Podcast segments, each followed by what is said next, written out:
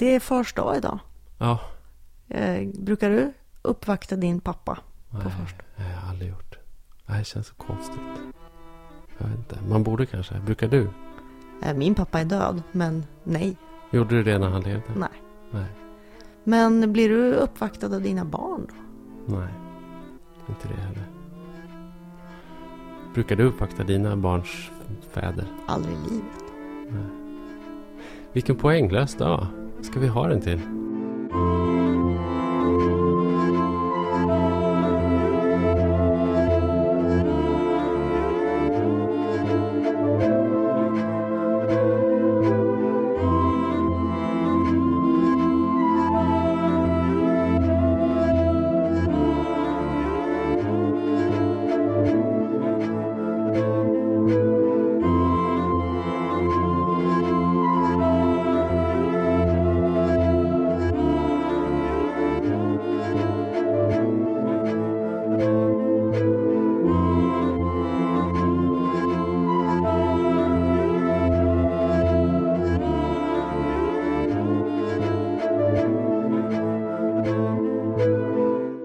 Norrlandspodden är tillbaka.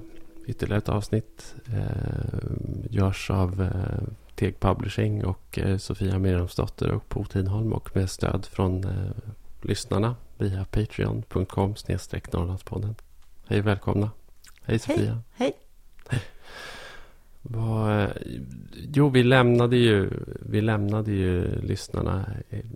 Ja, Vi har faktiskt, vi måste faktiskt eh, uppfylla, så att säga, vi lovade, Mm, kan man säga, att Mm. vi skulle prata om Två saker tror jag. medborgarlön. Mm. Och, och jag drog igång där och började snacka digitalisering och så där och så drog det ut på tiden. Vilket ska vi börja med?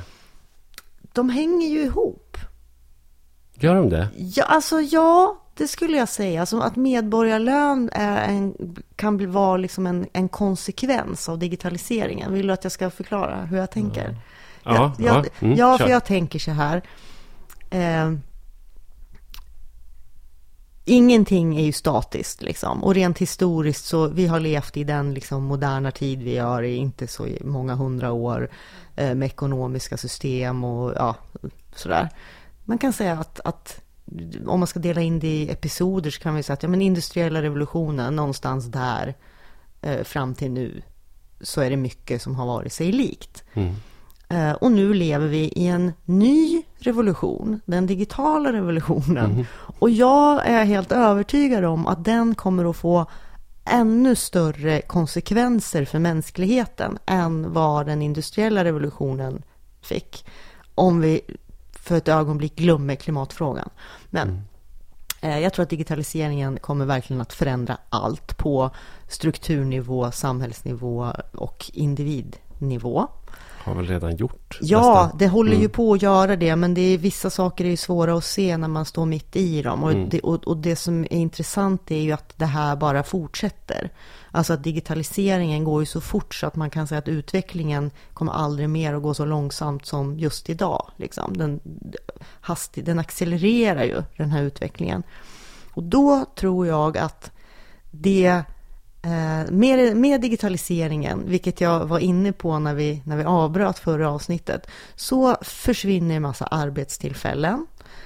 Eh, det det blir liksom robotar som kommer att kunna göra väldigt, väldigt mycket av de jobb vi, vi har nu. Eh, även sånt som är jättesvårt att föreställa sig. Men vi har ju i, där jag jobbar, Mittmedia, vi har ju redan som robotar som skriver tidningsartiklar ja, Mm. och vädertexter. Sådär.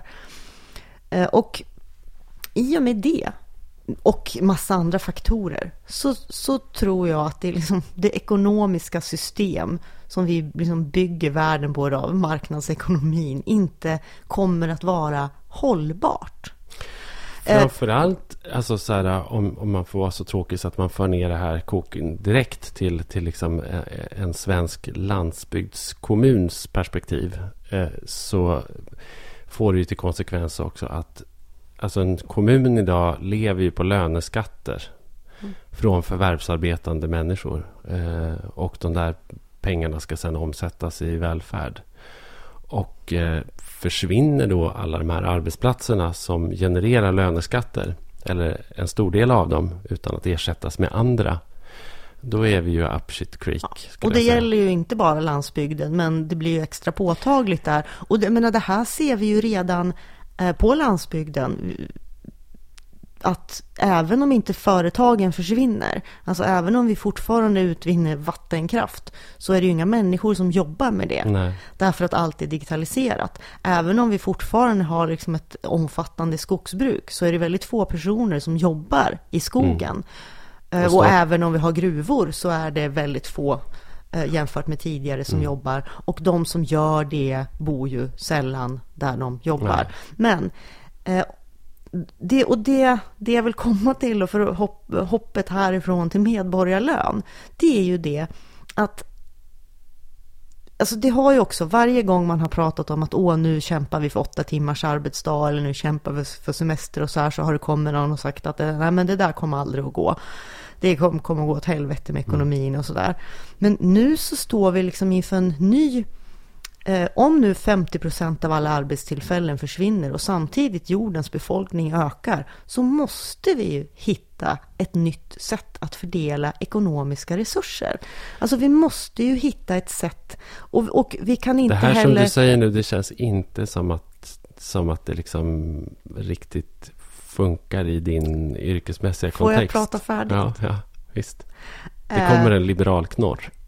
Ja, alltså det vet jag inte om det gör, men i det här så ingår ju också att, att om vi nu har mindre eh, kroppsarbete eller mindre arbete som behöver utföras av människor, så säger det sig självt att varje enskild människa behöver jobba mindre.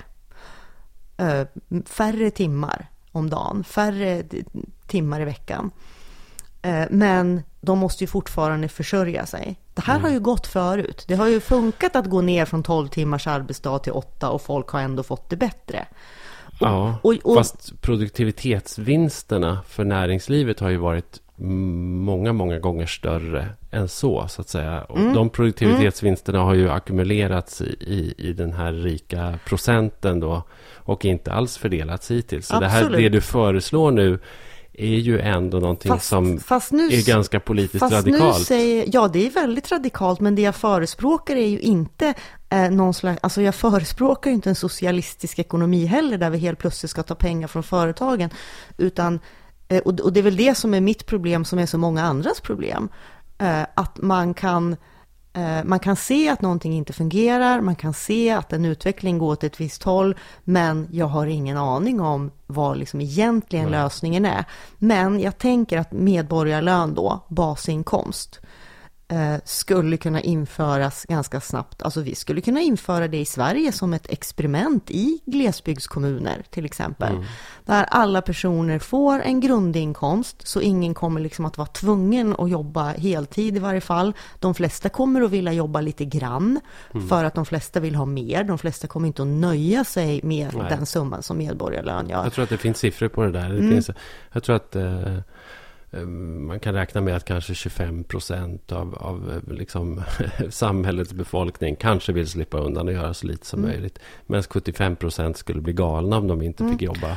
Och, och, men, och vad vi gör då, det är också att vi frigör, precis som vi har gjort genom historien, ju mindre folk har jobbat. Att man frigör alltså människors mm. tankar och experimentlust och inte vet jag, att folk får mer tid att faktiskt eh, göra saker som de vill, som de brinner för. Men tror du att folk skulle bo på landet? arbete. Ja, alltså allt det här är ja, men det här skulle ju vara en förutsättning för folk att bo på landet ja. om vi nu pratar sådana människor som helt enkelt flyttar för att, för att få en försörjning. Och det är väl ändå en, en väldigt vanlig orsak att mm. folk flyttar från landsbygden. Så det är bättre att genomföra en sån här sak i då de liksom gles, glesa delarna av landet än i hela landet? Alltså jag, jag tycker, eller tycker, men jag, jag är nog öppen för att, för att ha en lösning i hela landet. Men jag är också öppen för att man kanske testar det först. Mm. Och då är väl glesbygden eh, ett bra ett bra exempel. Men, men skulle, skulle, du själv om kunna... Vi backar tillbaks till här, men om vi backar tillbaks till det här med digitaliseringen ja. och ekonomin, mm. då har vi ju ett annat liksom, alltså, som blir som ett problem här i och med globaliseringen. När vi har några få väldigt få företag som blir färre och färre men större och större som tar in alla pengar. Mm. Och jag menar, jag är inte principiellt emot att ett företag ska kunna tjäna pengar och gör de det här, alltså är man, eh, vad ska jag säga, Google eller Apple eller vad man än är och gör en bra grej och folk vill ha den. Visst, tjäna pengar. Mm. Men, men någonstans så... Och, men, om vi kommer till det här med medborgarlön, det är också så att för att de här företagen ska kunna fortsätta växa så krävs det ju att, de har, att det finns konsumenter. Det krävs ju att människor, alltså att vanligt folk kommer att fortsatt ha råd att köpa de här produkterna. Och det är där som vi liksom hamnar i det här. Sista Precis. Dagar. Och, det, och det är här vi hamnar i det här eh, där jag tror att vi måste liksom hitta ett helt nytt sätt. Och då menar jag inte att nu ska vi ha ett socialistiskt sätt, nu bara säger, tar vi pengar från de här företagen, utan jag pratar om någonting som jag inte ens ser framför mig. Mm. Förstår du? Mm, jo, det förstår jag. Så, så på det sättet ja. är det jätteradikalt. Därför ja. att jag vill ju, jag är ju inte socialist. Alltså du, du tror nu att jag ska komma till någon slags... Nej, nej, nej, det nej, tror jag inte. Jag bara retas jag, med dig. Jag, nej, och jag tror ju inte på det. Jag tror ju inte på, på liksom tvång, förbud, liksom. Nej.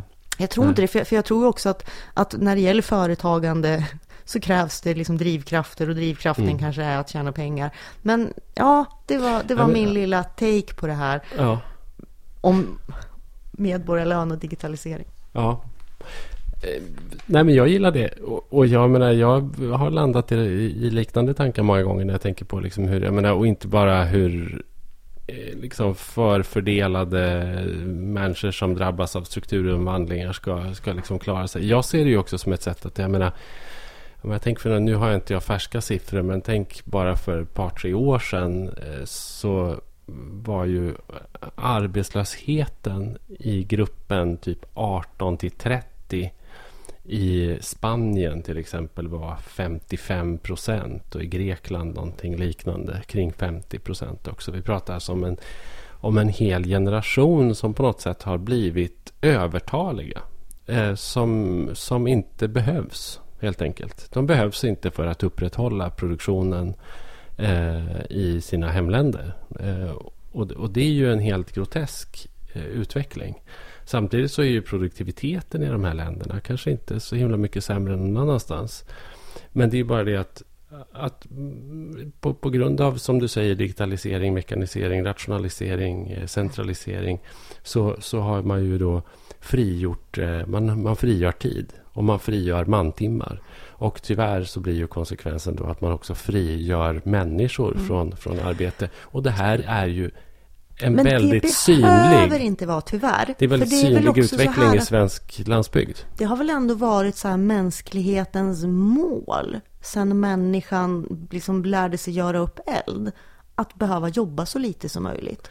Alltså någon slags, ja men, Nej. Ja men att, att på ja. något sätt ha det bättre och bättre. Jo, Man vill att liksom, människan vill ha det no. bättre och... Fast det har också varit liksom så här, men sen så slog vi in på en bana med ett kapitalistiskt system och jag skulle säga att att det är kapitalismens mål att vara så effektiv som möjligt, producera så mycket som möjligt med så lite människor och så liten ekonomisk mm. insats som möjligt och på det sättet ackumulera så, så mycket kapital som möjligt. Och det är ju det som, det är det som kapitalismen har blivit bättre och bättre på och duktigare och duktigare på. Och därför så behövs inte människor i processen på samma sätt som tidigare. Och, men om, om det då fortsätter att leda till att att vi får en, en massarbetslöshet och då pratar jag liksom global massarbetslöshet mm. så kommer ju det ju att slå mot kapitalismen också. Det kommer ju att slå mot de här företagen också.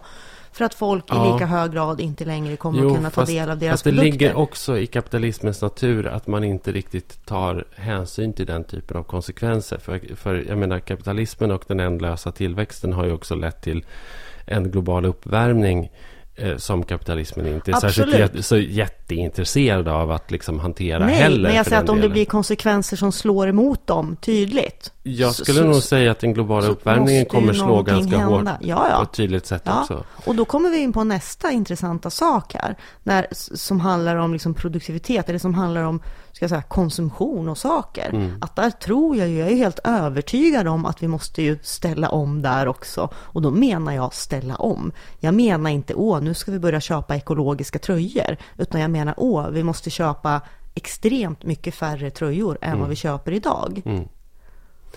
Och, Du- vi, och vi kan inte köpa nya bilar hela tiden. Nej. Eller nya mobiltelefoner för den delen. Får jag koka ner, får jag, får jag plocka ner den här? Nu, nu rörde vi oss på en, en liksom extremt eh, så här, filosofisk, fri nivå som jag, tycker var, som jag tycker är intressant. Men det är ju också när man pratar digitalisering så är ju det någonting som dyker upp eh, som en käpphäst i varje landsbygdsdebatt. Eh, på ett väldigt konkret plan. Alltså inte, Man tror att digitaliseringen ska rädda landsbygden. Exakt. Har du någonsin varit med om en landsbygdsdebatt där det inte har framförts som, som, som liksom en, en, en fantastisk Nej men det möjlighet? är ju bra för då kan man ju sitta i, i, i Bräcke och jobba hemifrån. Ja, Mm, tänker man sig då mm, Ja, det, det, det är intressant. här. Jag, jag var på en sån här debatt eh, ganska nyligen och eh, stod det bredvid en, en, eh, faktiskt en liberal ledarskribent, inte du utan en annan, som eh, drog upp det här kortet och sa de här sakerna. Eh, ganska positiv, eh, får man säga. Mitt problem Eh, när det händer är att det var så här, min historia med, med internet ser ut så här att, att jag har en lillebror som är eh, sex år yngre och som var väldigt tidigt ute på nätet i början av 90-talet. Han hade en dator hemma och han liksom eh, tog sig ut på nätet med den där och han blev eh, verkligen en nätentusiast och nätpionjär och han var anställd nummer två på, på Spray Interactive som var ett eh, liksom, Wow. tongivande bolag eh, på 90-talet. Han blev anställd när han var 17 år. Och han var eh, helhjärtad, he- helhjärtad och hel, helfrälst. Liksom. Och jag var ju hans storebror. Jag var ju också väldigt positiv till internet. Men, men jag tror att eftersom jag var hans storebror så var jag tvungen att inta en sån här sur, skeptisk storebrorshållning jaha. Eh, och jag skrev också en hel del av de här sakerna. Jag eh, var med och gjorde en, en bilaga om det där som kallades för internet. En, en special, specialbilaga för DN. Det är en söndag tror jag, 94. Eh, där jag skrev flera artiklar.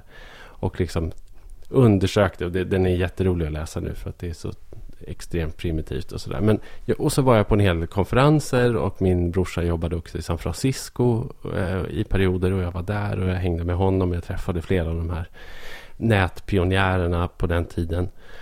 Och eh, detta med vad digitaliseringen skulle innebära i form av upphävande av, av plats och eh, liksom geografins betydelse var ju någonting som det pratades enormt mycket om då för 20, 22, 23 år sedan i internets barndom. Att i framtiden, i den här digitala uppkopplade framtiden som snart kommer så kommer man kunna bo var som helst och jobba med vad som helst. Eh, och man trodde verkligen helhjärtat på detta och det här var någonting som alla pratade om och det här var någonting som också blev liksom en en frälsningstanke som for genom varje svensk landsbygdspolitiker. Och, eh, och det pratades om detta och bredband och det här, skulle, det här skulle lösa alla problem. Det här skulle liksom upphäva tid och rum i princip.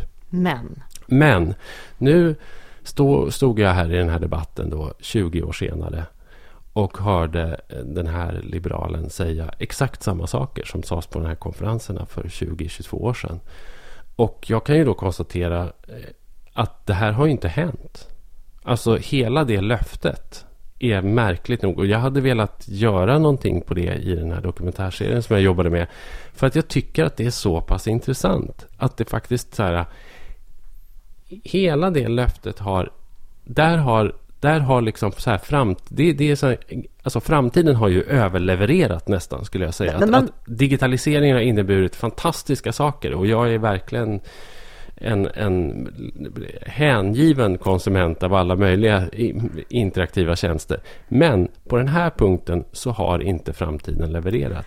Men alltså delvis har den ju det. Du kan inte, det finns ju på riktigt jättemånga exempel på hur digitaliseringen har gjort att avstånd i vissa fall inte spelar någon roll. Och att ja, ja, ja. du kan sitta på ett ställe och jobba där du tidigare hade varit tvungen att och bo på ett annat. Ja, och du kan köpa saker från sen, hela världen och få det levererat Sen så vill jag säga att världen liksom. krymper liksom. för att du kan prata med människor ja, över hela världen dygnet allt runt. Det där, allt så, det där är helt så, sant. Så att det här att platsen blir oviktig stämmer ju ja, så tillvida. Så vad är din invändning? Sätt det i, sätt det I ett i, glesbygdsperspektiv. Sätt det i relation till landsbygdsutveckling och arbetsmarknad.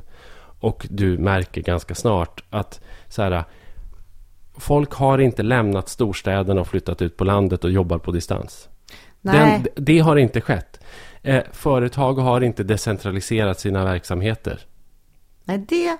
Nej, det har inte. Alltså så här, inte i någon stor skala. Det går alltid att hitta exempel på någon som har flyttat till landet för att de kan jobba digitalt. Och det går alltid att hitta... Det är, inte mät, det, det, är inga mätbara. Det finns, det finns liksom inte... Det är inte, det är inte synligt i statistiken. Nej. Det har inte fått något genomslag. Alla känner någon Liksom. Menar, kan vi se, kan, men, kan vi se det omvänt då? Du säger det är inga som har flyttat till landsbygden. Men kan det vara så att det är en betydande del personer som inte har flyttat därifrån tack vare Nej, alltså faktiskt, och det här är också jätteintressant. För jag var på en annan konferens i Norrbotten. Eh, som var liksom en tillväxtkonferens för Norrbottens 14 kommuner. Och där så sa de precis tvärtom. Alltså digitaliseringen är eh, läskig för oss. Den är en svår utmaning för oss därför att när vi eh, och våra företag i Norrlands inland försöker eh, rekrytera kompetens som inte finns inom kommunens egna gränser. Till, alltså till kommunen eller till Boliden och LKAB eller till andra företag. Så säger den här kompetensen som då finns externt att eh, ja men tack vare uppkopplingen nu så kan jag bo kvar i Umeå eh, med min familj. Och sen så jobbar jag hemifrån tre dagar i veckan och så kan jag åka upp till Arvidsjaur eh, två dagar i veckan och jobba på plats. Och det är väldigt svårt, det är väldigt svårt att värja sig mot det. Så att jag tror att det som alla hade hoppats på var ju att det skulle flytta människor till Arvidsjaur och jobba på företag i Umeå eller Luleå. Men det har i själva verket blivit precis tvärtom. Man bor kvar i Luleå eller Umeå och jobbar på ett företag i Arvidsjaur utan att betala skatt där. Eh, och det här, det här är ju... Mm. Eh, men då pratar vi det, det är ju digitalisering på ett sätt. Men mm. jag pratar ju om en helt annan typ jag av vet det, men det var ju därför jag ville ändå så här, jag är ju, ja. den, jag är ju den sura eh, men, men, av men, oss men två. vad tror du då? Om jag säger, eller ja, men du håller ju med om det. Att medborgarlön skulle ju ge fler människor förutsättningar att bo kvar på landsbygden. Mm. Och och ju fler, och då blir det också som ett, som ett självspelande piano, att ju fler som bor kvar, eh, desto bättre kommer olika, olika samhällsservice att funka mm. och det kommer att vara liksom ja. större incitament att inte lägga utbud. ner BB och ja, ja, ja visst. Så, så, att, eh, är det lösningen då? Ja, men det tror jag. Jag, jag tror, att det är, jag tror att det är en kanonlösning. Faktiskt på riktigt. Det tror jag. Eh, det skulle också, jag menar, jag ser också, alltså samhällets förvaltning skulle bli lättare. Man skulle inte behöva hantera liksom, socialbidrag på samma sätt. Man kanske till och med skulle kunna på sikt eh, i det närmaste skrota det kommunala utjämningssystemet. Fast för, för, för jag funderade på en abrovink på det här. Ar, arbetsmarknadsförsäkringar. Mm. Alltså frågan är om det inte till och med skulle vara lönsamt. Men just det, skulle det inte vara motsvarande då om man skulle ge personer eh, som bor i glesbygd eh, fettskatteavdrag. Jo, det skulle man kunna Som göra kompensation istället. för att de inte får någon samhällsservice. Ja, det, ska, det vore ju rimligt. Och, och, och man kan ju... För, för det är ju, det är ju, det, kan, det tror jag de flesta kan hålla med om att det känns bisarrt att, att just personer som bor i kommuner med de högsta skattesatserna också får minst tillbaka personligen. Ja. Sen så kan, alltså skatt betalar man ju av många anledningar. Ja. Men, men, men... För att det är sexigt bland annat. Ja. ja, nej förlåt. Det får stå för dig. Det står inte för mig, det står för Mona. Mm. Uh, du kommer av dig? Ja, nu kommer jag av mig. Ja, skatt betalar man av olika anledningar. Ja, men precis. Men, ja. men, men skulle det ha samma effekt? Alltså då är, fortfarande, då är fortfarande problemet att det måste finnas jobb. Det spelar ingen roll vad den enskilde får för avdrag på skatten nej. om det inte finns några jobb och tjäna och dra, pengar nej, och precis. För. Och det är därför det är så bra med medborgarlön. Mm. En annan bra sak med medborgarlön är att, eh, och som an, anförs som ett motargument är ju att medborgarlön skulle driva upp inflationen. Eh, men i vårt fall i Sverige så skulle det vara bra för då kanske vi skulle nå upp det här, till, till det här utopiska inflationsmålet som vi aldrig når upp till. Och så kanske vi skulle kunna höja räntorna istället för att kyla av ekonomin lite grann. Så vi slipper använda räntevapnet för att nå inflationsmålet. Ja, just, just vilket ju bevisligen nu, inte den funkar. Här, den här hösten ja. 2016 så, så absolut. Ja, eller i framtiden också. Jag vet inte.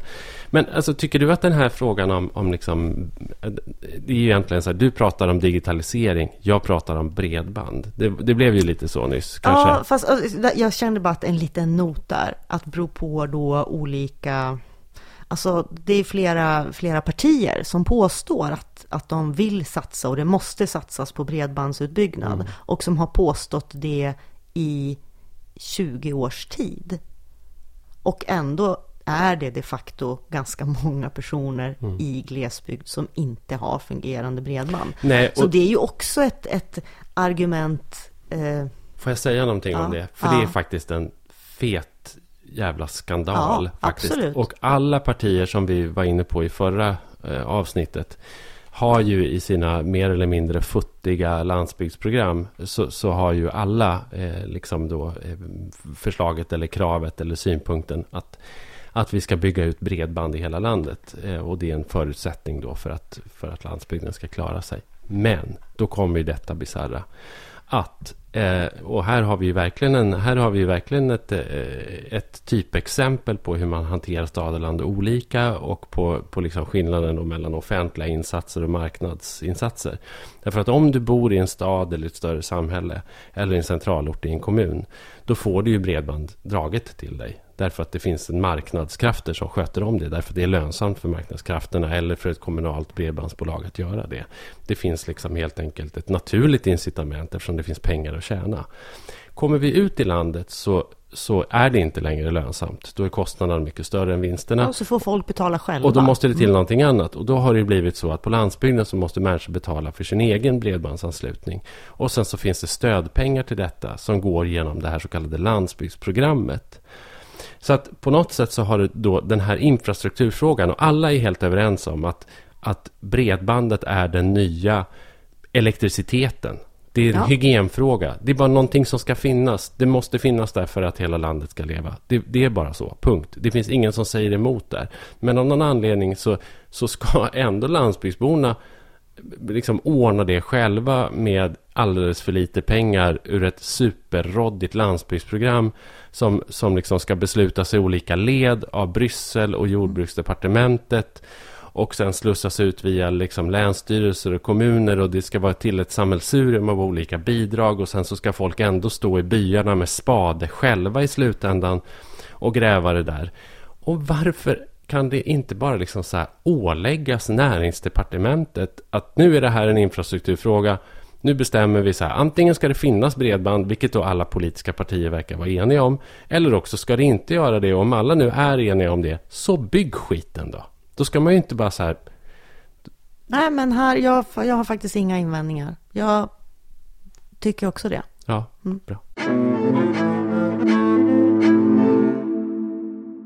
Vi har inga sponsorer på podden längre. Vi, vi, vi, står inte här och säger att vi eh, är sponsrade av eh, Jusek eller av, eh, av Polarbröd. Eh, även om det hade varit härligt. Och just Polarbröd, kanske, jag vet inte. Norrländskt företag med ekoprofil, vindkraft. Eh, lite så här eh, Ja, nu står du ändå och gör reklam för dem. Så att jag, Nej, men det gör jag inte eftersom de inte pengar i efterskott. hur, som helst, så, hur som helst har vi valt en annan lösning. Och det är ju ni som lyssnar som, som sponsrar vår podd genom patreon.com snedstreck Norrlandspodden. Där man kan gå in och bli eh, donera pengar, eller donera låter eller, men, men stötta podden med, med en, en viss summa per avsnitt som bara dras när det kommer ett nytt avsnitt. Så gör vi inga poddar så, så kostar det inget. Men när vi gör poddar så är, är, är du med och stöder eh, podden på det sättet. Och vi kanske också ska tillägga att ju mer pengar det kommer in, desto högre frekvens kommer vi att ha. Alltså det, så är det. Mm, eh, ju mer pengar, desto fler avsnitt. Plus att, att liksom, eh, vi känner också att vi vill gärna ha synpunkter och eh, önskemål från er som lyssnar. Mm, vad vill ni att vi ska prata om? Ja. Har det hänt någonting någonstans i Norrland som ignoreras, som vi borde ta upp? Det händer väl saker hela tiden. Som, mm, precis. Tänker jag. Då hör man av sig till oss. Ja. Och hur gör man det då? Eh, Twitter? Ja, Twitter är väl bra. Jag heter Mymlan. Du ja. vill kanske inte bli kontaktad på Twitter? Jo, det kan man väl twittra Man kan ju hinta, eller så kan man använda taggen eh, hashtag Norrlandspodden. Mm. Frågor som rör podden. Så ser vi det. Så den har vi koll på. Ja. Jo, men folk kontaktar mig på alla möjliga sätt. Jo, jag har en, en eh, sån här... Det har, eh, jag har numera en offentlig eh, Facebook-sida. Mm. Mm. Jag har också det. Ja, ja då så. Då kan mm. man kontakta oss där också till exempel.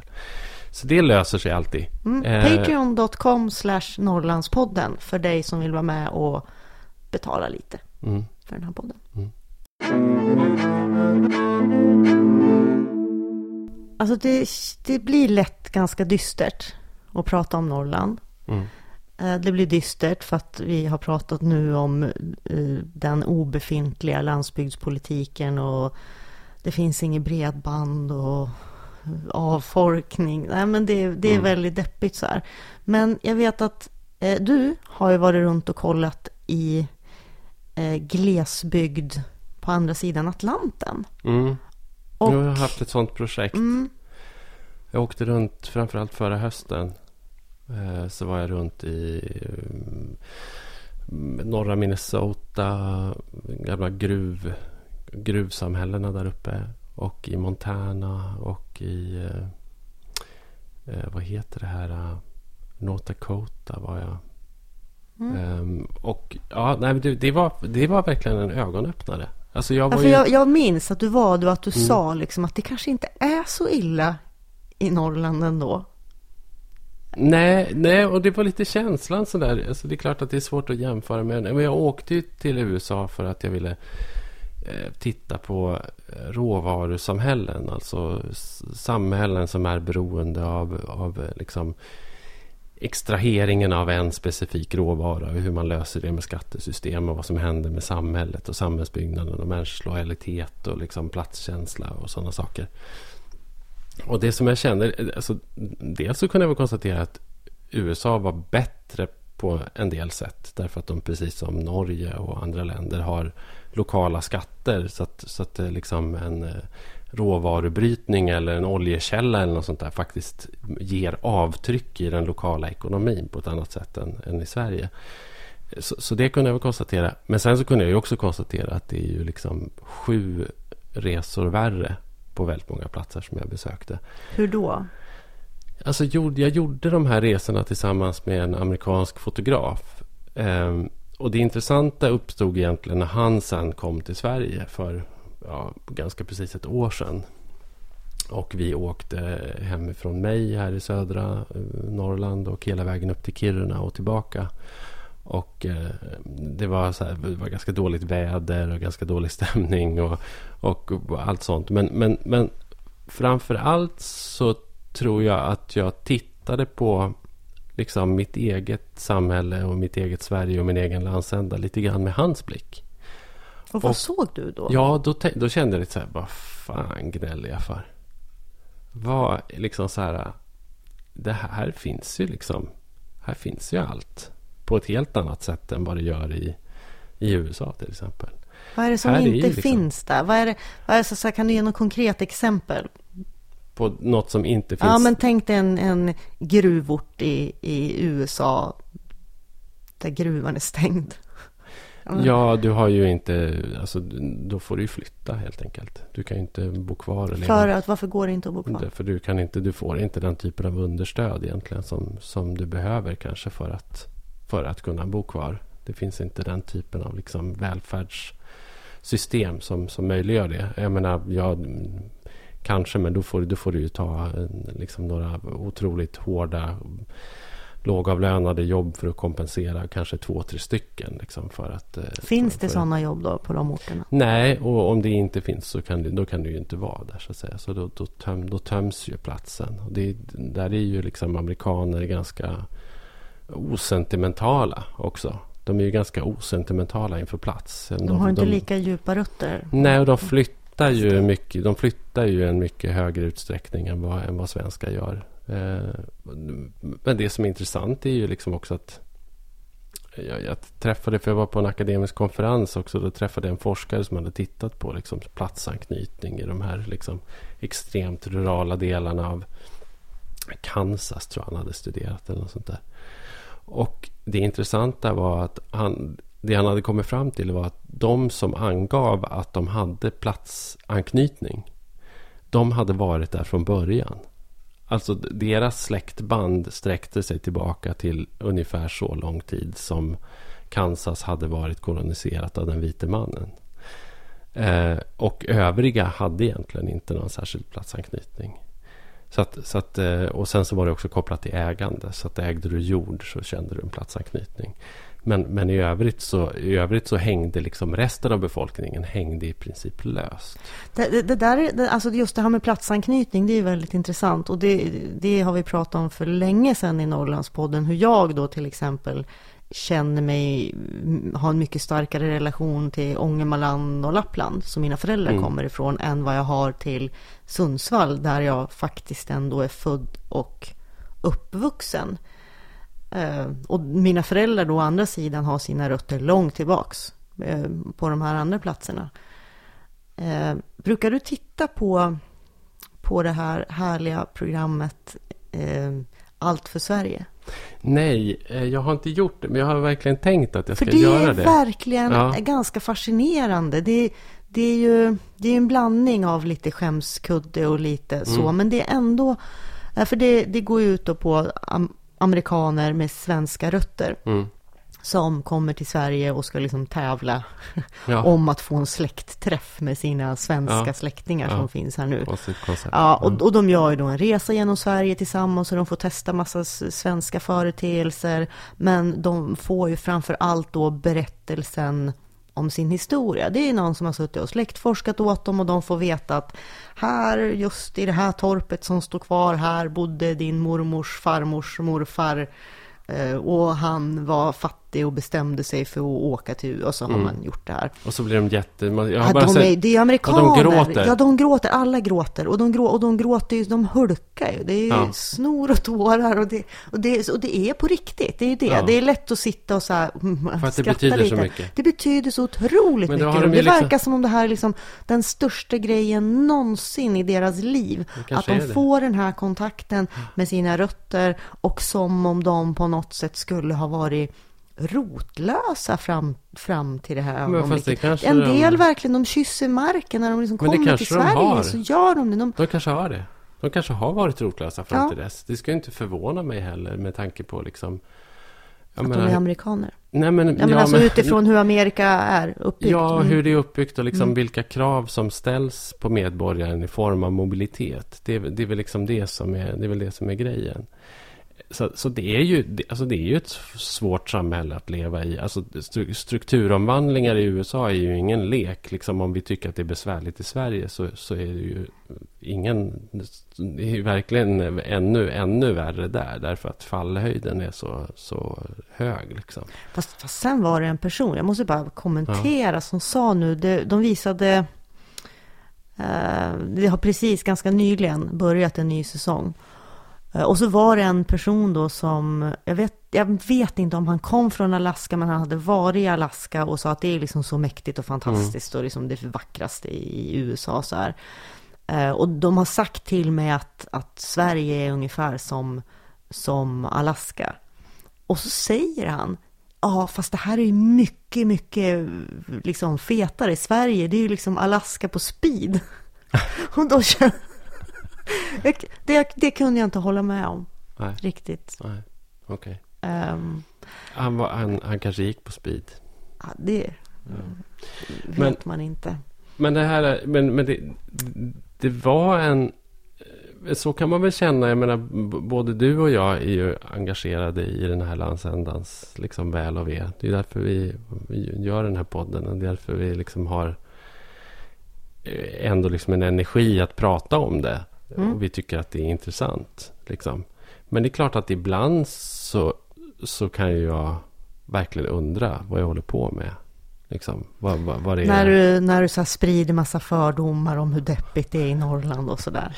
Nej, men alltså vad, vad, vad ska man ha för referenser? Liksom? Det, det är väl det. Det är väl där jag kan känna lite grann. Att, att i grund och botten så kanske det är ett, eh, så kanske det är ett ilands... Det är klart att det är ett ilandsproblem. Det finns ju alltid andra som har det väldigt, väldigt mycket värre. Och det finns andra länders landsbygd som, som är svårare drabbad än, än vår egen.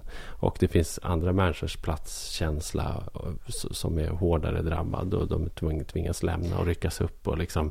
så, att, så det är klart att det, det är klart att det är så. Liksom. Men det här beror ju också på i vilket perspektiv man pratar om det. För, för jag vill minnas att vi har haft väldigt eh, positiva, alltså där vi har pratat om saker som turism, alltså vart, vi pratat om vart man kan turista i Norrland och det är ju helt fantastiskt att åka till som turist. Jo, jo. Det är vackert.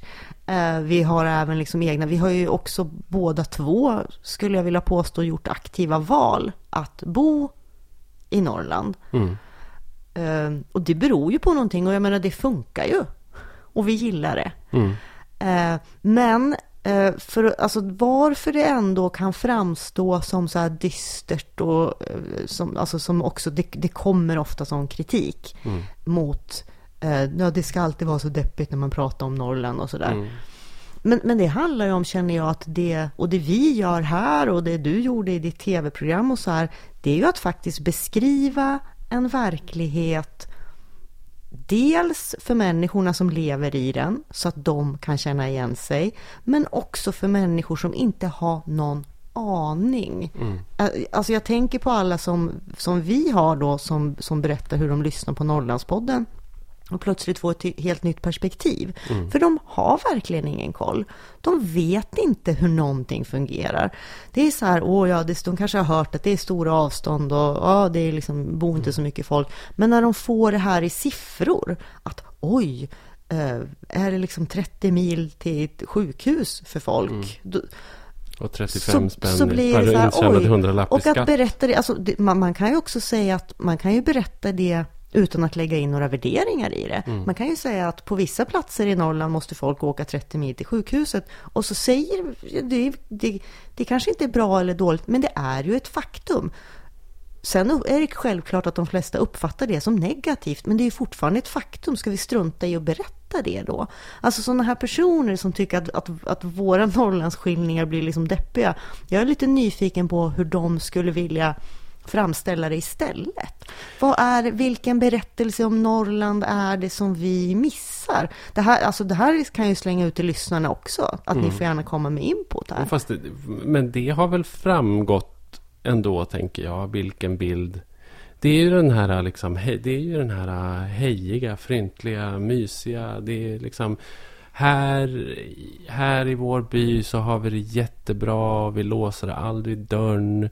Och, och vi har så duktiga Men sånt har vi företagare. också, sånt pratar vi ju om också. Ja, det tycker jag också. Men, men, men vi pratar väl mer och det, och det är väl också för att vi är journalister. Vi tycker att det är intressant att problematisera saker. Det skulle inte vara särskilt roligt att göra en, en på. Jag menar Maud Olofsson, när hon körde sin bredsida mot, mot min tv-serie så sa hon ju att hon hon skulle ju vilja göra en sån själv. Eller hon eller Ja. någon annan marknadsliberal borde få göra en sån här tv-serie. Och då kan jag undra så här lite så här.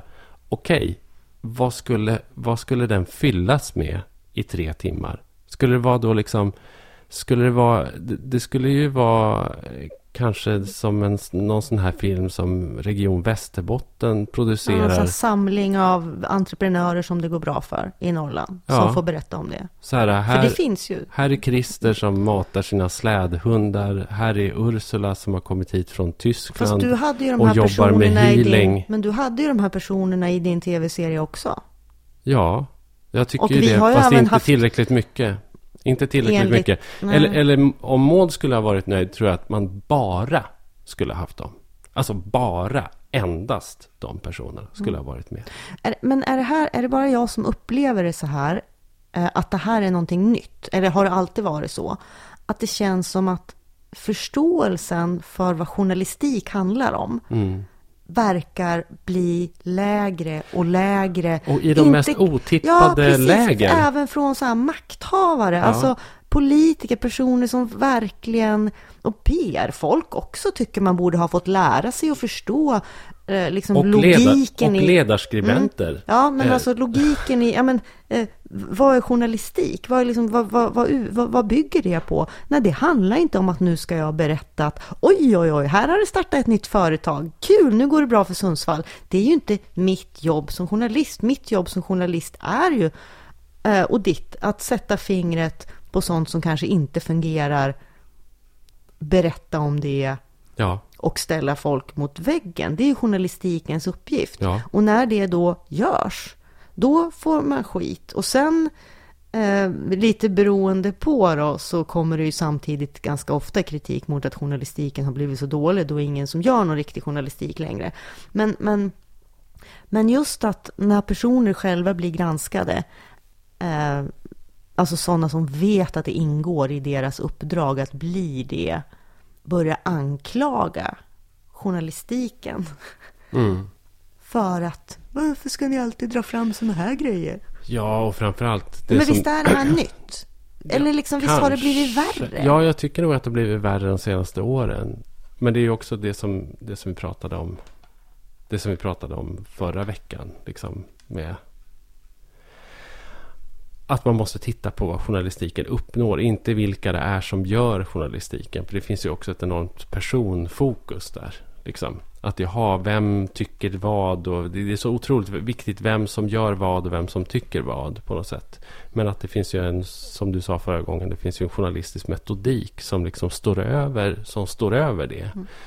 Och det kan ju säga, men nu råkar jag vara opinionsjournalist, så att mitt, mitt, och min uppgift är ju Ja. faktiskt att ha åsikter och att folk Och bryr sig om opinion. specifikt vad Ja. just jag har Men det är därför lite konstigt kan jag åsikter. tycka. Men, men jag vill ändå på, påpeka det här att, att även om jag uttrycker åsikter och även om jag ska bygga dem på en liberal grund så har jag ju i grunden en journalistisk metod.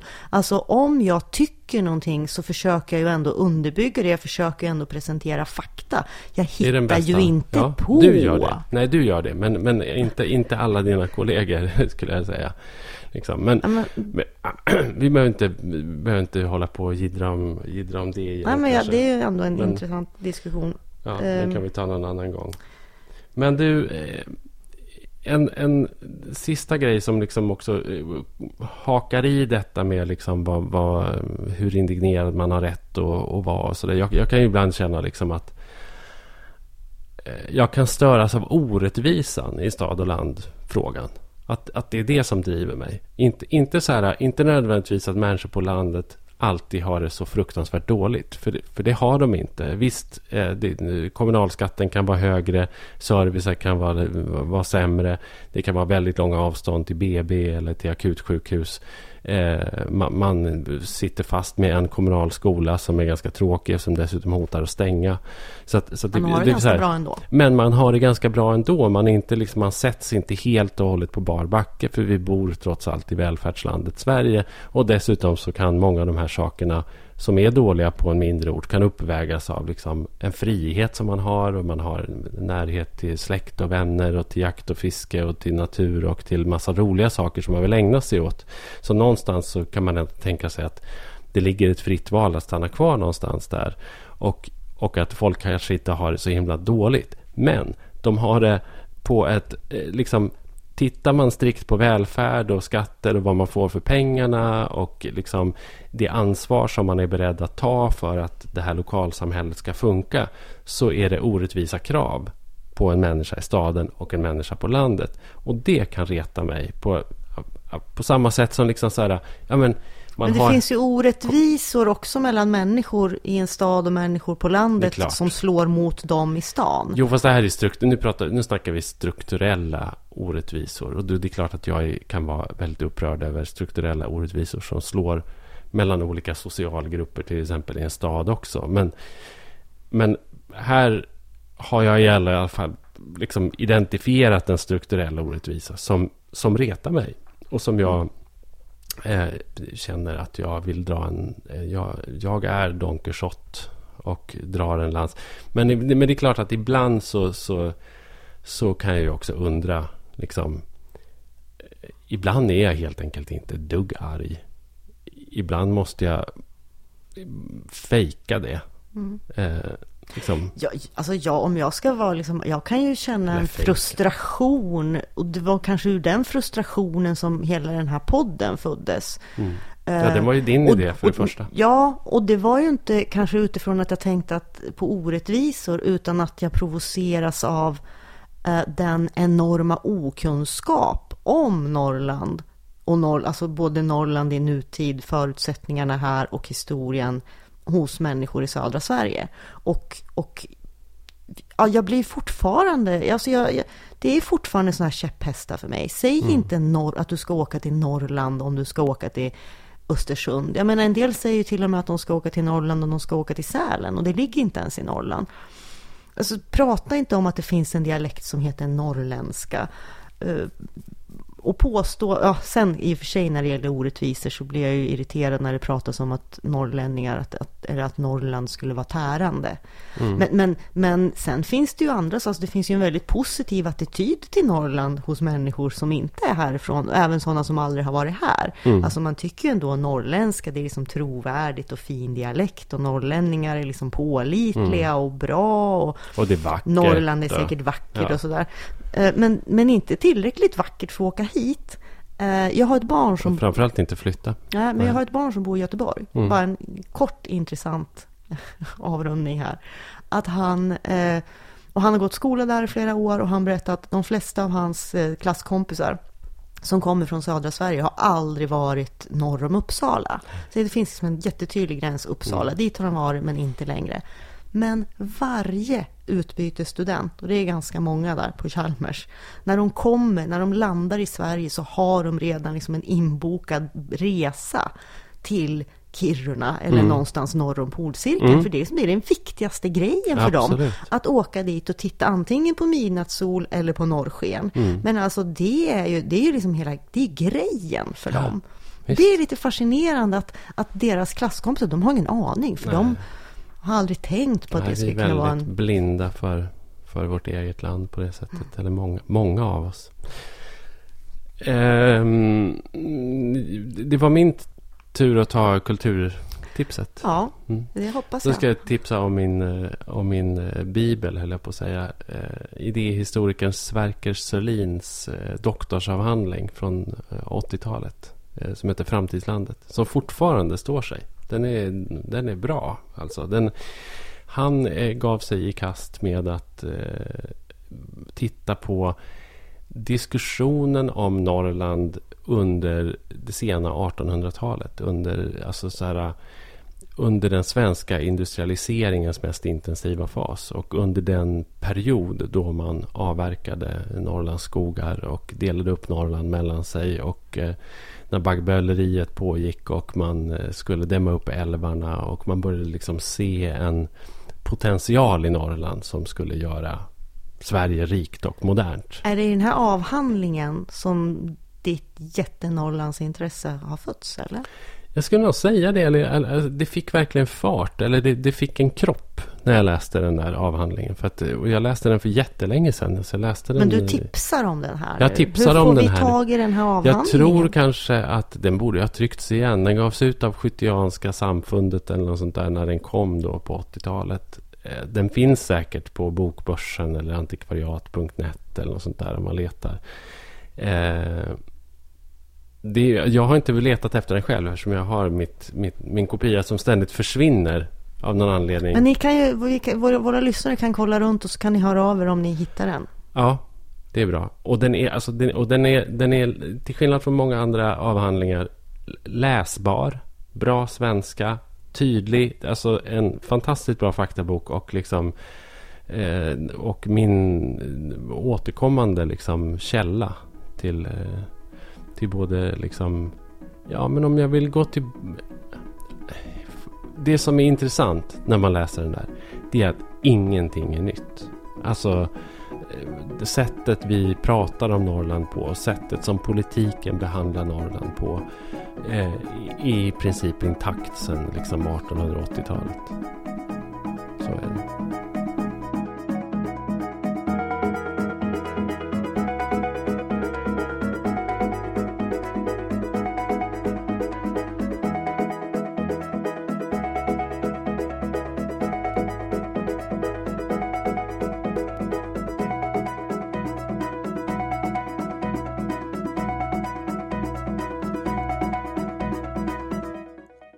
Norrlandspodden är en produktion från Teg Publishing.